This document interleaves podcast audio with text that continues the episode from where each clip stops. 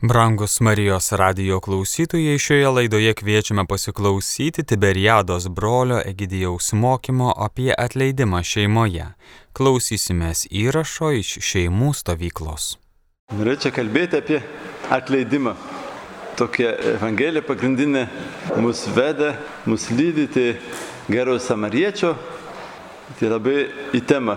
Su ta evangelija kartais jaučiamės kaip tas samarietis, kuris yra sumuštas, kartais tas pakeleivis, kuris sumuštas, kartais esam tas samarietis, kuris pila aliejus, kai išgyvenam atleidimą, kartais gal esam plėšikas, kuris sužeidžia.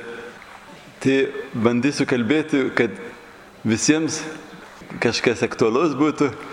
Truputį baisu, kad yra čia patyrusių porų, kur 20 metų santokoje yra kur net metus stažo neturi. Ir tai gal skirtingas patirtis turit ir gal galvosit, čia mums visiškai neaktualu, pas mus viskas tobulai, gerai, tai gal problemas ateis vėliau, gal jau praėjo. Tai vis tiek gerai aptarti bendrai ir jūs priimkite tai, kas jums aktualu ir tai, kas jau nebeaktualu ar dar neaktualu kažkur laikykit galvoj, kad gal, gali prireikti kada nors. Matom, kad e, iš to palyginimo, kad atleidimas yra kaip aliejus pilimas ant žaizdų, gydantis veiksmas. Sustoju, pilu aliejus, svarstau žaizdas. Šiemet turėjau progą būti palydėtojų atleidimo rekolekcijose, kur vadinasi mylėti ir atleisti. Ir man tai buvo kažkaip labai stipri patirtis, kaip atleidimas gydo ir keičia žmonės. Aš palydėjau du žmonės ir matyti, kaip keitėsi ir kaip atleidimas išlaisvina. Ir tai žmonės, kurie atvažiuoja su dideliu bagažu dažniausiai, su didelėm žaizdom ir visas gyvenimas buvo toks žaizdų rinkinys ir jie atvažiuoja prislikti ir tikrai atleidimas yra Dievo dovana kur išlaisvina, kur gydo.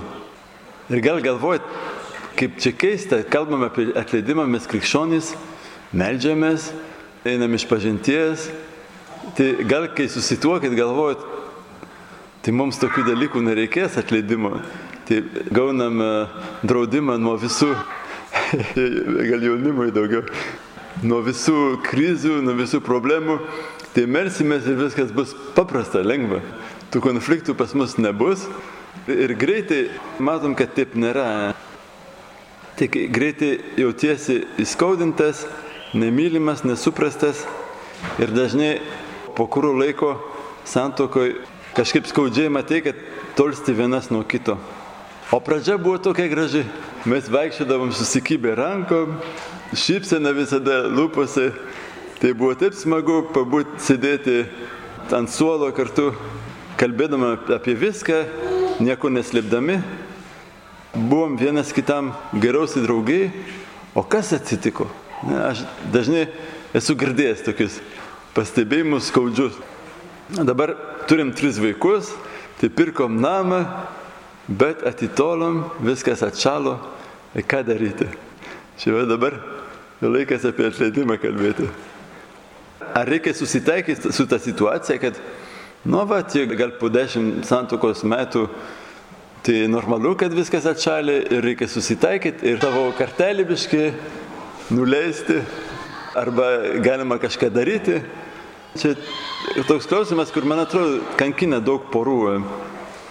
Ar reikia susitaikyti su vidutinybė ir kažkaip su nusivylimais, ar yra realu, kad mano vyras ar mano žmona gali atliepti kažkiek mano lūkesčių, mano poreikių, ar tiesiog turi susitaikyti. Tai visa Biblija mums kalba apie sandoros sudarinėjimą ir sulaužimą, apie neištikimybę ir ištikimybę. Tauta sudaro sandorą su Dievu ir nuo žilgo suklumpa ir pamiršta Dievą ir eina garbinti kitų stabų. Taip ir yra irgi šeimų istorijose.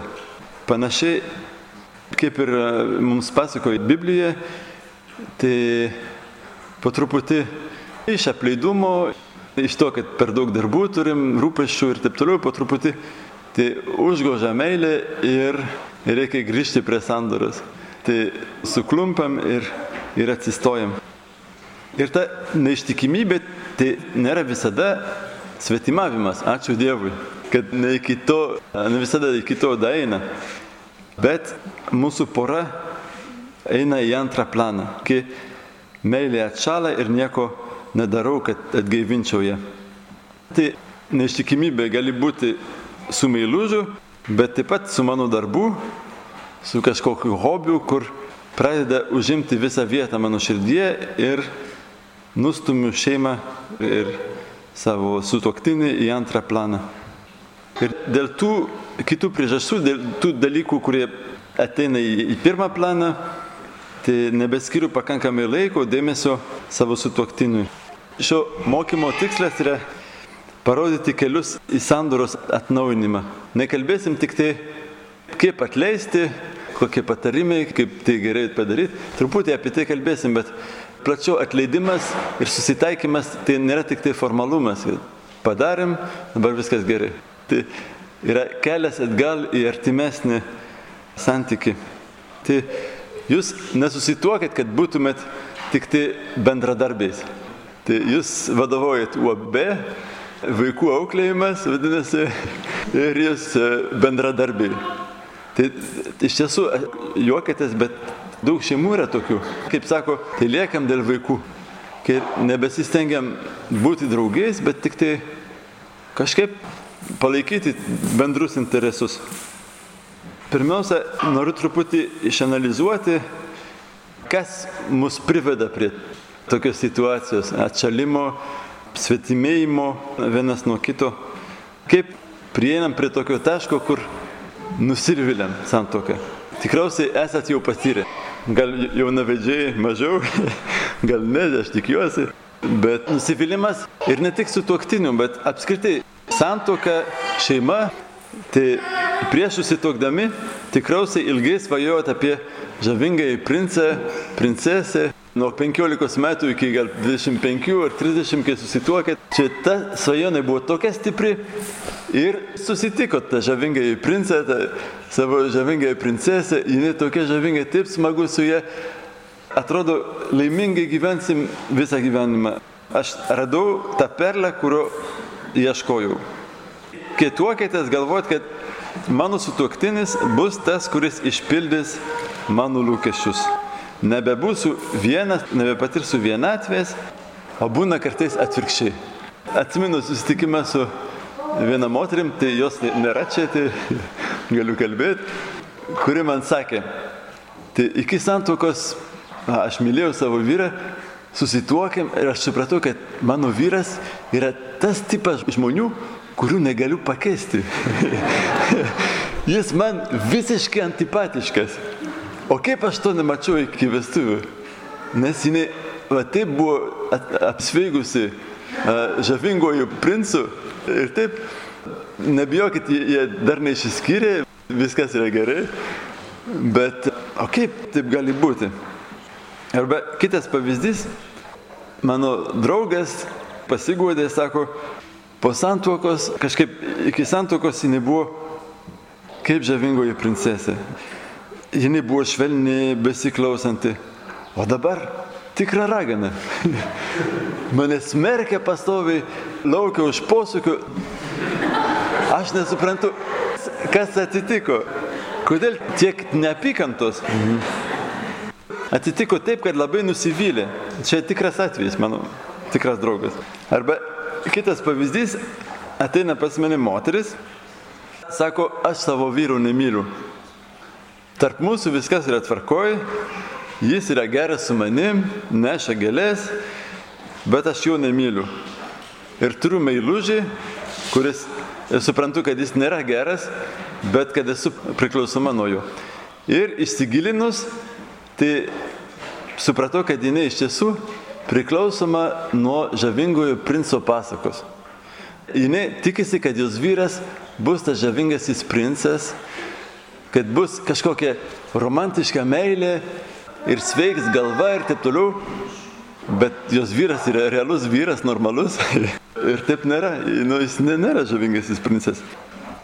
Tai va, kas vyksta, dažnai po santokos ir po kurio laiko tas romantiškos meilės svajonė sudūšta. Suprantam, kad taip nėra. Kas yra romantiška meilė? Tai yra tikėjimas, kad santoka yra vieta, kur galų gale galėsiu patirti lauktos laimės. Susituoksim, busim laimingi, kaip savaime, paprastai. Kaip ir būna, kai įsimylė. Iš pradžių vyksta tas romantiška meilė. Per daug pastangų nereikia dėti, dar nėra vaikų, dar nėra problemų. Susitinka tik tai su meilužė, su meilužu ir smagiai praleidi laiką. Tai dar nėra tokių temų, kur labai sukeltų konfliktų.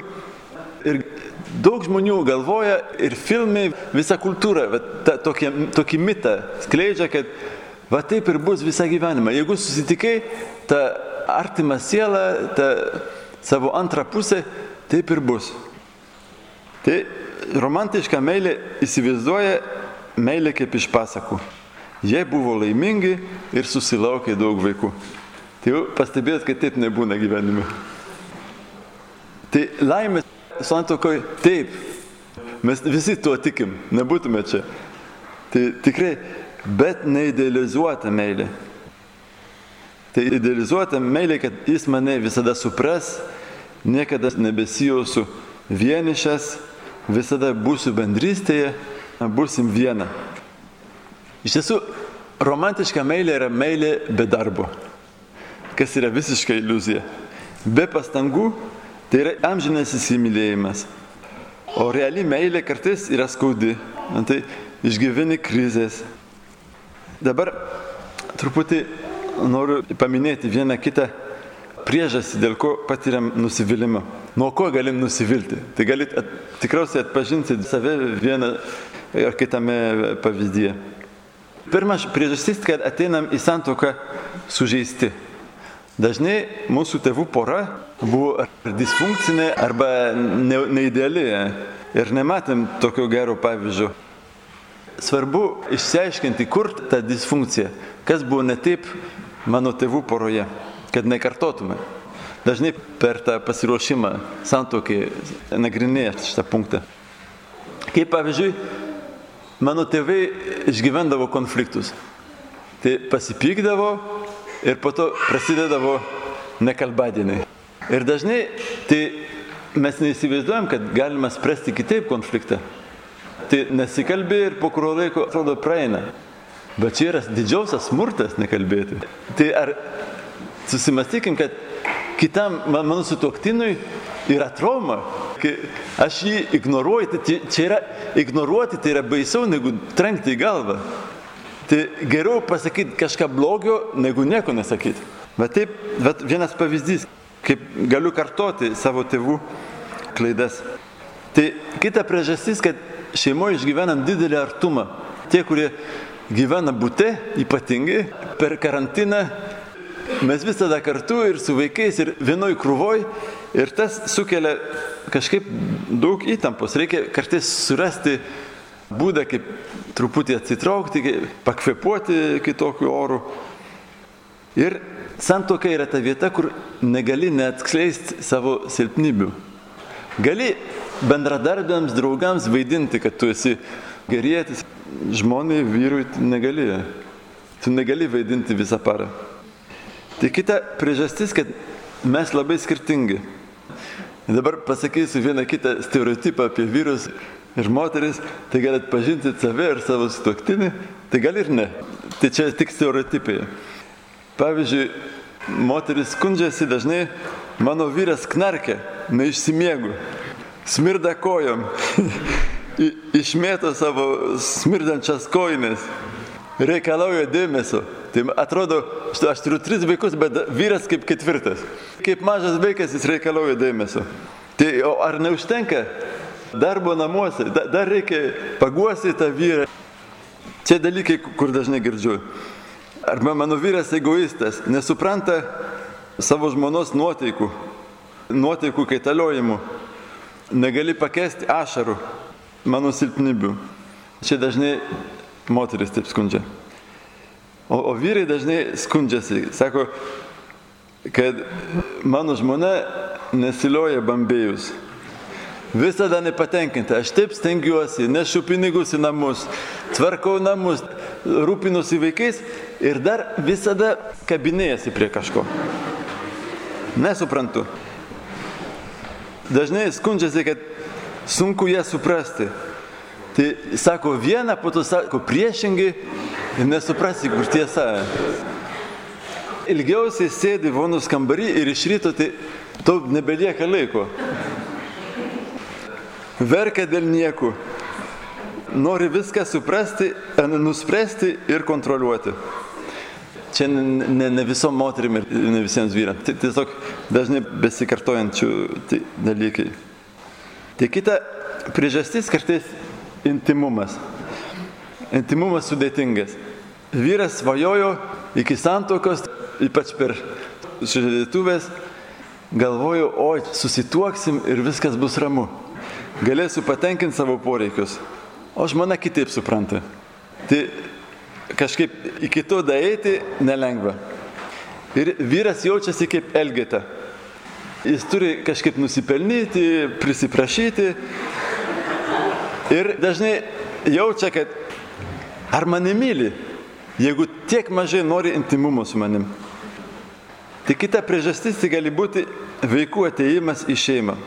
Čia pirmo vaiko krizė, tai jūs esat girdėję ir tikriausiai patyrę, kurie turi vaiką bent vieną. Tai vaiko ateimą tikriausiai nustebina, nes tai jau taip laukiam to vaiko, taip svajojam, ateina vaikas ir prasideda problemos. Iš kur? Tas vaikas toks mielas, toks fainas. Bet ir tikrai vaiko atsiradimas išbandymas. Kaip rasti dar laiko, energijos, rodyti vienas kitam dėmesį.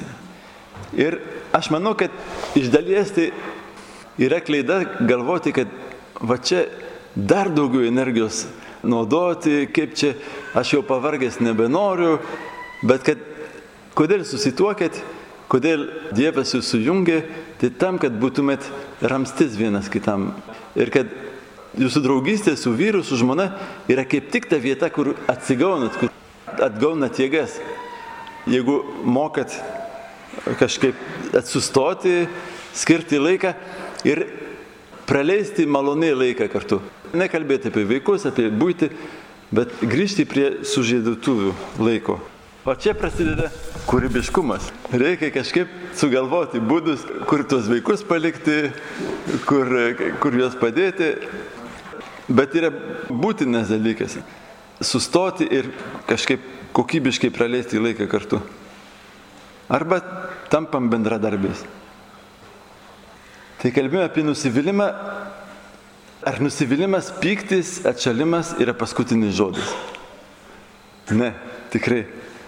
Dievas mus kviečia į atleidimą, į susitaikymą. Tai dabar kalbėsime apie atleidimą. Kai Evangelijoje Petras klauso, kiek kartų reikia atleisti, tai Jėzus kalba, kad 77 kart 7.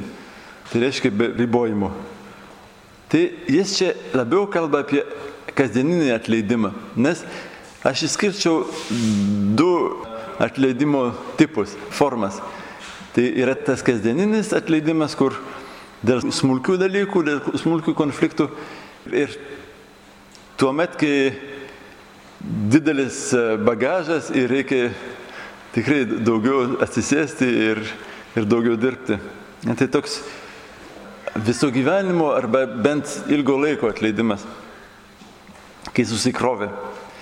Čia pirmiausia apie, daugiau apie tą atleidimą kalbėsim už susikaupusias nuoskaudas. Jeigu reguliariai nedarai namų ruošos, tai kaupasi purvas. Arba jeigu reguliariai ne, nėra vidaržo, irgi labai sunku pasidaro. Ir nežinai, nuo ko pradėti. Ir ta tinginystė taip užvaldo, nes kai matai tokias aukštesnės pikžolės už, už daržovės, susimiai už galvos, nežinai, ką daryti.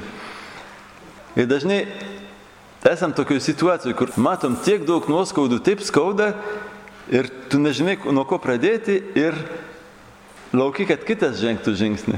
Tuo atrodo, kad aš tokia įskaudintas, toks įskaudintas, tai aš negalėčiau nieko daryti.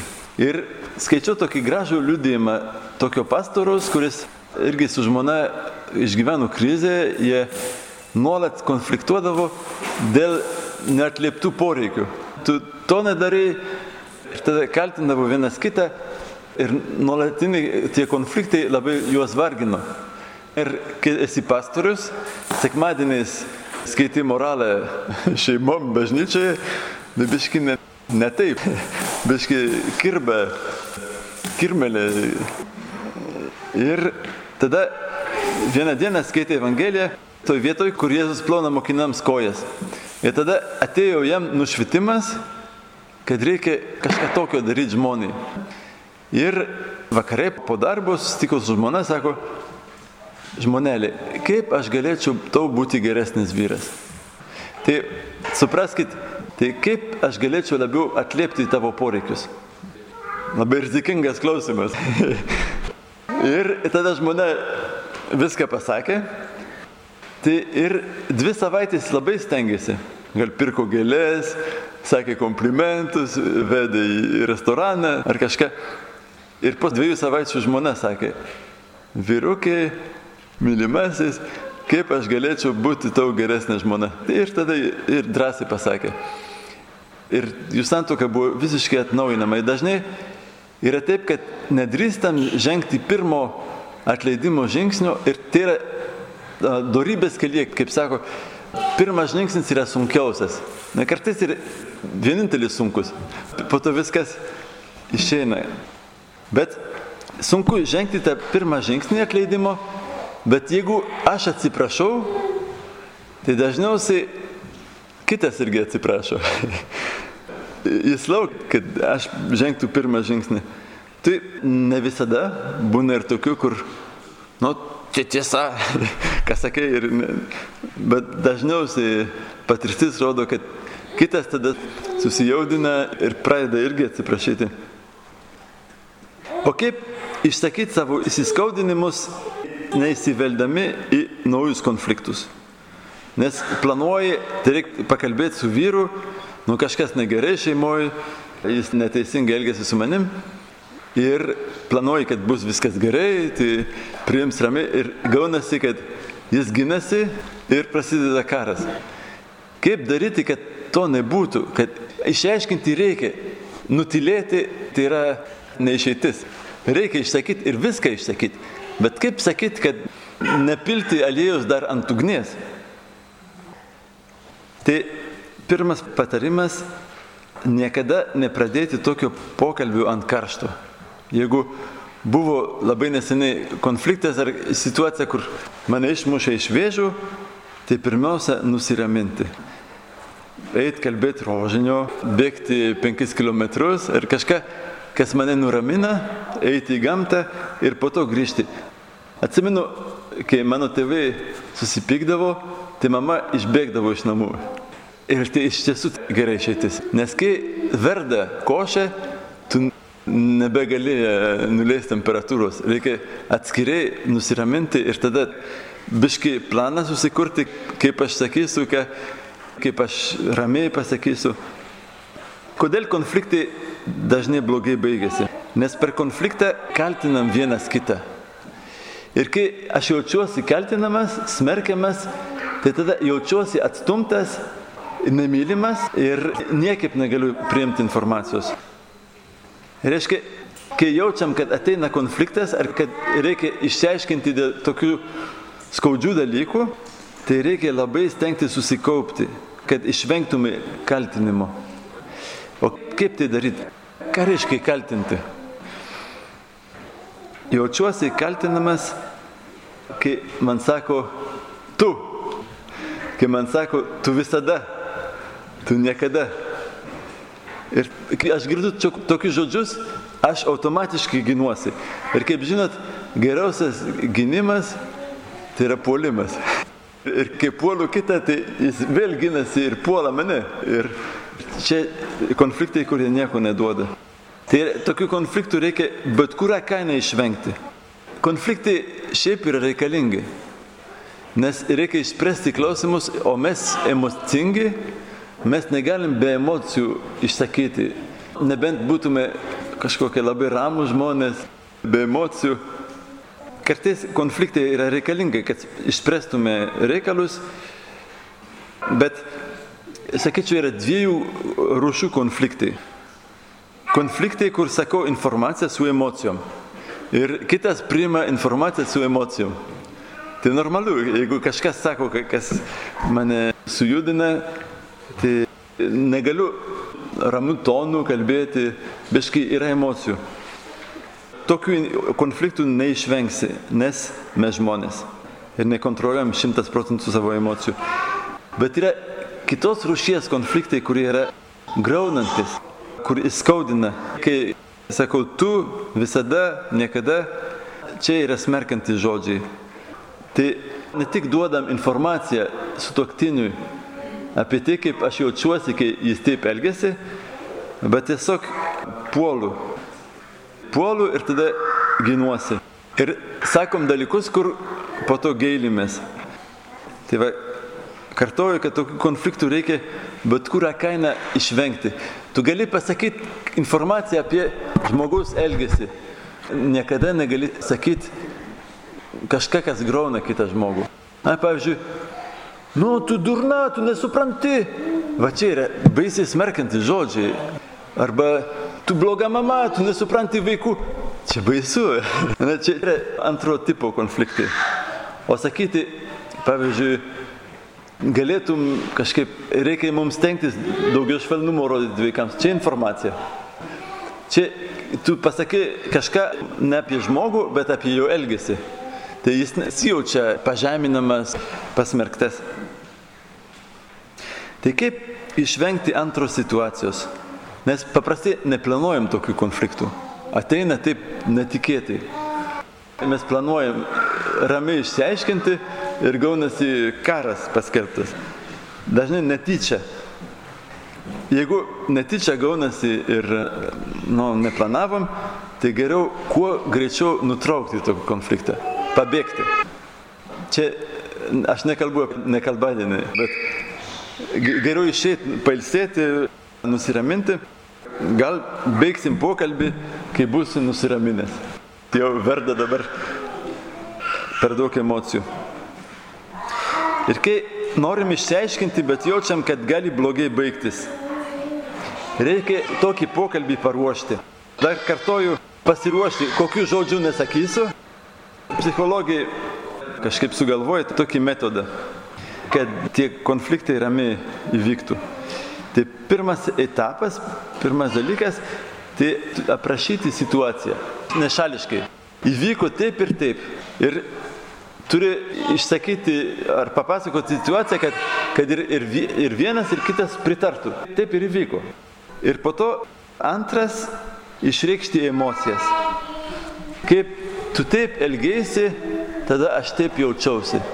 Pavyzdžiui, jaučiausi nesaugus, aš pradėjau bijoti tavęs, jaučiausi prislėgtas, liūdnas. O tada būtų kažkaip nesažininga kitam sakyti, ne, netiesa. Tai aš blogai jaučiuosi, tai čia nėra tiesos reikalas. Čia aš tau tik tai pasakau informaciją apie save, ne apie tave. Čia nesmerkia tavęs tokie žodžiai. Po to sakyti, čia trečias, kokie mano poreikiai. Tu taip elgėsi, aš taip jaučiausi, nes mano poreikiai yra tokie. Pavyzdžiui, man reikia pripažinimo. Aš jaučiu, kad tu man per mažai padrasinimo žodžių pasakai. Man reikia dėkingumo, man reikia saugumo, man reikia pagalbos. Ir po to ketvirtas punktas - pasiūlyti išeitį. Tai Aš neprašau, kad nukabintum menulio, aš prašau tik tai, kad galbiški grįžtum anksčiau iš darbo kokį pusvalandį, nes tada vaikai grįžta ir nesusitvarkau. Jeigu tu taip darytum, tai man sočiai užtektų. Ir penktas punktas, kokios galėtų būti tos išeities teigiamos pasiekmes. Nes jeigu grįžtum anksčiau iš darbo, tada aš nepanikuočiau ir kažkaip man reikia tada tavo pagalbos. Vienu žodžiu, ko reikia išvengti, bet kurą kainą, tai kaltinimu. Nes kai kaltinu, tai kitas ginasi. Ir ginasi arba puldamas, kritikuodamas, pavyzdžiui, tu tą darai ir tu tą darai. Arba tu blogai elgiesi ir tu blogai elgiesi. Žiūrėk, tu tą ir tą padarai. Visi taip darom. Arba, arba neigimas. Tai netiesa. Arba auka. Tai niekas manęs nemyli. Tu manęs nemyli. Čia irgi yra gynimas iš tiesų. Arba mazochistas. Aš esu niekam tikęs, tu taip visiškai teisingai sakai, aš nemoku nieko. Tai iš tiesų tai yra irgi gynimas, nes aš bijau kritikos ir tada prieš sulaukiant kritikos arba prieš bijodamas, kad dar daugiau kritikos bus, aš siguliu ant žemės. Tai mušk. Yra ne taip baisu sulaukti kritikos iš savęs, negu iš kito. Ir iš tiesų Idealiai konflikte neturėtume stengtis gintis, bet turėtume išklausyti ir išgirsti informaciją. Suprasti, kad kitas manęs nepuola, bet jis man pasako, kaip aš galėčiau būti geresnis vyras, kaip galėčiau atliepti jo poreikius. Tai nėra grėsmė man. O būna tokių atvejų, kur konfliktas taip įsismarkėjęs, kad jau dviesi niekaip neišeina spręsti. Tada nereikia bijoti kreiptis, prašyti vertimo paslaugų. Kartais reikia trečio žmogaus, kuris būtų truputį teisėjas. Dabar tu kalbėk. Ar tu išgirdai, ką jinai sakė? tai ar, ar gali pakartoti? Nu taip. Nes kitaip kartais tiesiog, kai, kai trūksta įgūdžių, tai reikia pagalbos. Ir nereikia galvoti, kad susitvarkysim patys. Čia nėra protinga. Norėčiau dabar kalbėti apie kasdieninį atleidimą. Nes ačiū Dievui, ne kasdien vyksta dideli konfliktai, išsiaiškinimai. Ir raktas į darnius santykius yra dažni atsiprašymai, susitaikymai. Kaip sakėme apie daržą, apie namų ruošą, geriau dažnai truputį kentėti, negu patirti didelius ar didelius darbus. Tai manau, kad kiekviena šeima turėtų atrasti savo ritualus. Kaip šventasis Petras sako, tegul saulė nenusileidžia ant jūsų rūstybės, geriausia yra kiekvieną dieną išgyventi atleidimą, susitaikymą.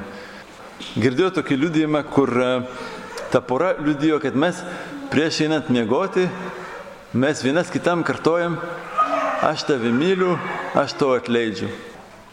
Ir jeigu yra už ką, tai tai pasako, atleidžiu ir atsiprašau. Man atrodo, kad vakaro malda galėtų būti geras laikas, kad prieš einant miegoti pasimelsti, nu, gal poterius, gal, gal ilgiau poroje ir Dievo akivaizdoje atsiprašyti už smulkius dalykus, nereikia laukti, kad prisikauptų. Tai va šiandien nebuvau pakankamai dėmesingas. Prie kompo sėdėjau, kai tu vargiai su vaikais, atsiprašau. Tai lengva atleisti už smulkius dalykus, nereikia laukti. Tai suprasti, kad atleidimas nėra jausmas, o sprendimas. Kuris kartais sunkus, yra valingas dalykas. Atleisti tai yra priimti sprendimą nebeteisti. Tas žodis atleisti lietuviškai panašus į žodį at, paleisti. Paleisti pyktį, nelaikyti pykčio. Ir prancūziškai tas pats žodis yra, reiškia pardonner, duoti toliau. Tai reiškia mylėti toliau. Tai atleidimas nėra tik tai formalumas, kad išsilaisvintume iš kaltės jausmo, bet yra atkurti santyki, atkurti meilę ir ne tik tai nepykti, bet atgaivinti meilę. Grįžti prie to, dėl ko susituokite. Ir dabar norėčiau truputį duoti keletą patarimų, kaip atgaivinti tą meilę. Nes, pavyzdžiui, įsivaizduojam, kad jūs dideliai krizėje, dideliuose konfliktuose atvažiuojate į Baltiškės, atsiprašot, susitaikot, bet neužtenka, tai dar nėra visiškas susitaikymas. Tas susitaikymas vyksta, kai atšyla viskas, kai grįžtat prie darnesnių santykių. Tai bus keletą trumpi punktai. Tai pirmas turėti teigiamą požiūrį į savo sutuoktinį. Tai galėtų būti užduotis konkrečiai įvardinti savo sutuoktinio geras savybės. Tai reikia tikrai prisiversti, kad tą darytume, nes dažnai kiti dalykai užgožia tą grožį. Norint gyventi darnoj santukoje, reikia išmokti pasakyti teigiamus, padrasinančius žodžius. Jeigu esat pripratę nuolat skustis, bambėti, pabandyti išsakyti savo vyrui, savo žmonai pagirimus. Ir viskas gali greitai keistis nuo to. Čia ypatingai apie vyrus, bet gali būti ir atvirkščiai, bet dažniausiai apie vyrus. Vyras žvėriškai nori būti įvertinamas, jam labai svarbu. Dėl to jam darbas svarbus, vieta visuomeniai, moteris truputį realizuoja save daugiau šeimoje, su vaikais, santykiuose ir taip toliau. Bet tas įvertinimas labai svarbus. Kol vyras jaučiasi neįvertinamas šeimoje, nesijaučia mylimas.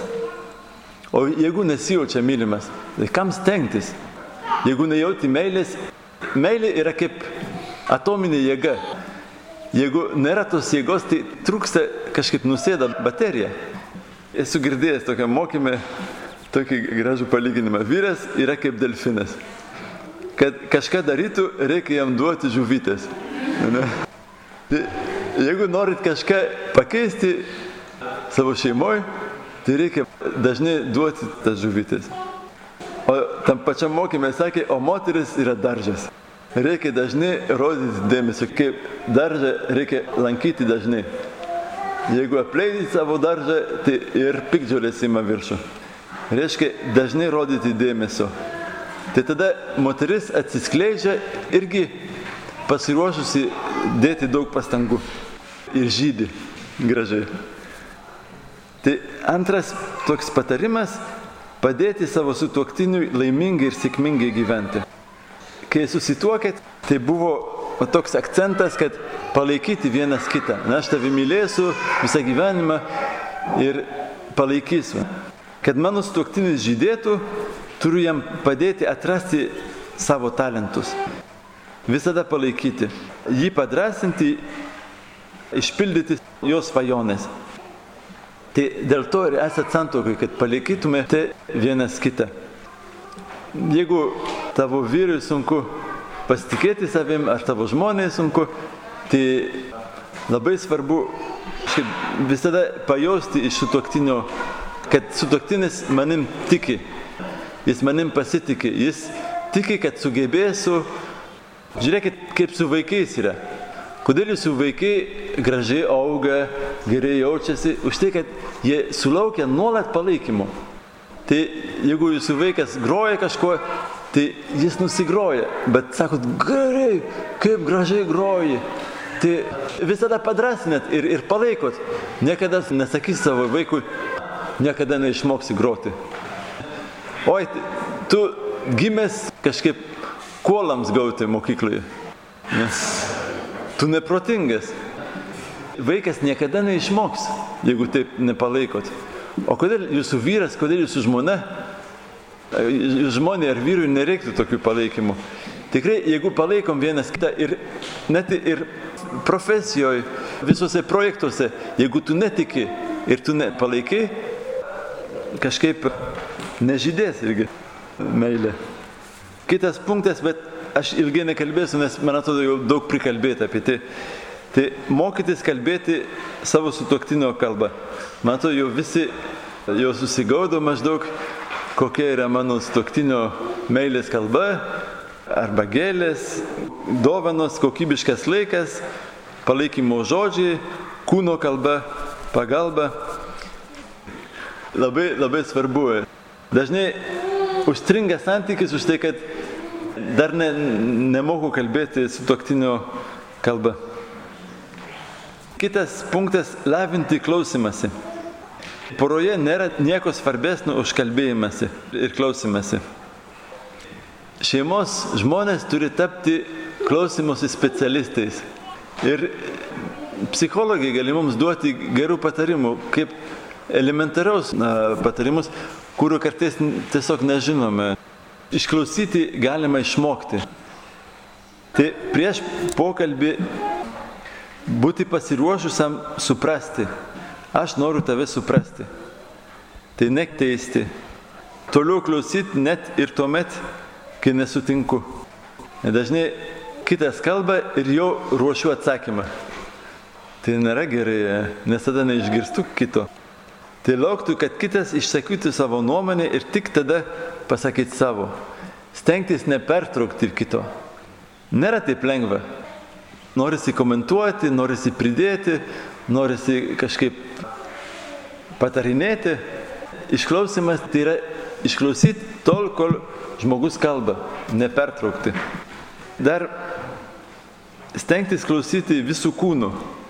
Kaip daryti, kad sutuoktinis jaustųsi tikrai išklausytas, akis irgi dalyvauja, visas kūnas ir kai linkteli galva, kažkaip, jeigu žovoji ir nežiūri, arba kažką kitą darai. Pavyzdžiui, vyras ateina, nori rimtai pakalbėti su žmona ir žmona toliau gamina valgį. Na, kartais, jeigu apie smulkmenas kalbėti, čia gali. Bet jeigu apie jausmus, tada toliau nebekalbėsi. Reikia, kad jaustumės visiškai, kad esi vienintelis žmogus, kad visi kiti dalykai sustoja. Kai sutoktinis kalba, atkreipti dėmesį ne tik tai į veiksmus, bet į jausmus. O kaip tu jautiesi? Nelabai dažnai užduodant tokį klausimą, bet tai labai svarbu. O kaip išgyvenai tą, pavyzdžiui, darbė buvo sunku, kažkaip nepripažino tavęs, o kaip tu jautiesi tada? Kaip dabar jautiesi? Tai tenktis tikrai transuoti, kad aš supratau tave. Tai geras būdas irgi išklausyti, tai kartoti tai, ką kitas pasakė. Ai, tu, tu sakai taip, taip. Ar padėti kitam žmogui dar daugiau sakyti. Jeigu tu tyli ir nieko nesakei, tai va, kitas supras, kad gal kitam nuobodu ir, ir daugiau nesakys. O jeigu užduosi klausimą, kur padės kita, ai tu taip jautiesi, taip ir tada jau toliau kalba. Leisti kitam iki gal išsikalbėti. Kitas punktas - žiūrėti teigiamai į jūsų skirtumus. Tai suprasti, kad skirtumai yra, yra dovana, tai yra papildomas. Iš tiesų, svarbu, kad būtų bendras kryptis ir bendros vertybės, bet charakterio skirtumai yra pliusas. Ir stengtis kažkaip išmokti žiūrėti į tuos skirtumus kaip į dovaną. Reikia kažkaip pasiduoti, kaip angliškai sako, surrender, pasiduodu. Ne, dažnai kovojam prieš tos skirtumus ir norėtume, kad mano sutuoktinis sutilptų į mano rėmus. Bet su laiku supranti, kad taip nebus ir turi būti viduj kažkoks sprendimas, kad aš jo nebekeisiu, aš taip kaip koks jis yra, man tinka. Aš džiaugiuosi tais skirtumais. Kažkaip dažnai pasitaikantis skirtumas yra, kai vyras greitas, moteris lėta arba atvirkščiai. Ir tas labai erzina. Tai skubėk, davai, vaikai laukia, reikia daryti. O, o tas, kuris lėtas, jį labai erzina, kad, nu tai kur tu skubi, o kur, kur tu visada lieki, tu neturi ramybės, nu, nusiramink. Priimti tokius skirtumus, nes kitos žmogus nepakeisi, tai jo tokia prigimtis. Tai ir, ir džiaugtis, jis yra ramesnis, priima viską ramiai, o jinai daug darbo padaro per tą, jinai ar jisai, per, per tą, tą tokį skubėjimą. Jeigu ne jinai, tai mes tikrai nespėtume viską daryti šeimoje. Tai dar paskutinis. Pradėk pats keistis, bet apie tai jau kalbėjau su tuo pastorium. Nebijoti žengti pirmą žingsnį. Mūsų burna yra toks stebuklingas dalykas, kad iš jos gali išeiti žodžiai, kurie sužeidžia, liūdina, atima motivaciją arba žodžiai, kurie yra balzamas, kurie paskatins eiti teisingą kryptimį. Pavyzdžiui, jeigu stuoktinis grįžęs iš darbo tave pabučiuoja ir sako, aš tave myliu, tavęs pasilgau, tai jis daro tau gerą įtaką. Pakrauna tavo emocinę bateriją ir daug daugiau jėgų turėsi. Suprantat, kad kaip sutoktiniai jūs turit galę pakrauti kito bateriją. Kai jo meilės rezervuaras arba emocinė baterija pasikrovus, tai jis tada pasiruošęs didvyriškiams darbams.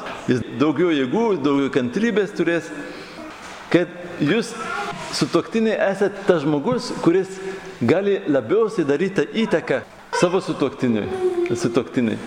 Nepakeisti jo, bet daryti įtaką, pakeisti jo nuotaiką. Tai va, ar aš pakankamai pakronu savo sutuktinio meilės rezervuarą? Pagal jo meilės kalbą. Tai ką sakom apie vaikų auklėjimą, tai kad kai vaikas suirzas, reikia apkabinti, paimti, tai tada nusiramins, tai tas pats galioja ir sutuoktiniams. Kai sutuoktinio meilės rezervuaras pilnas, tada jis keičiasi ir žydži. Tai dabar kaip visą tai rezumuoti? Aš suprantu, kad labai daug informacijos, daug dalykų pasakiau. Kai žmonės skiriasi, dažnai sako, charakteriai nesutapo. Iš tiesų yra tik pasiteisinimas. Dažniausiai priežastis, dėl ko skiriasi žmonės, yra tinginystė. Per mažai dėjau pastangų. Meilė yra darbas.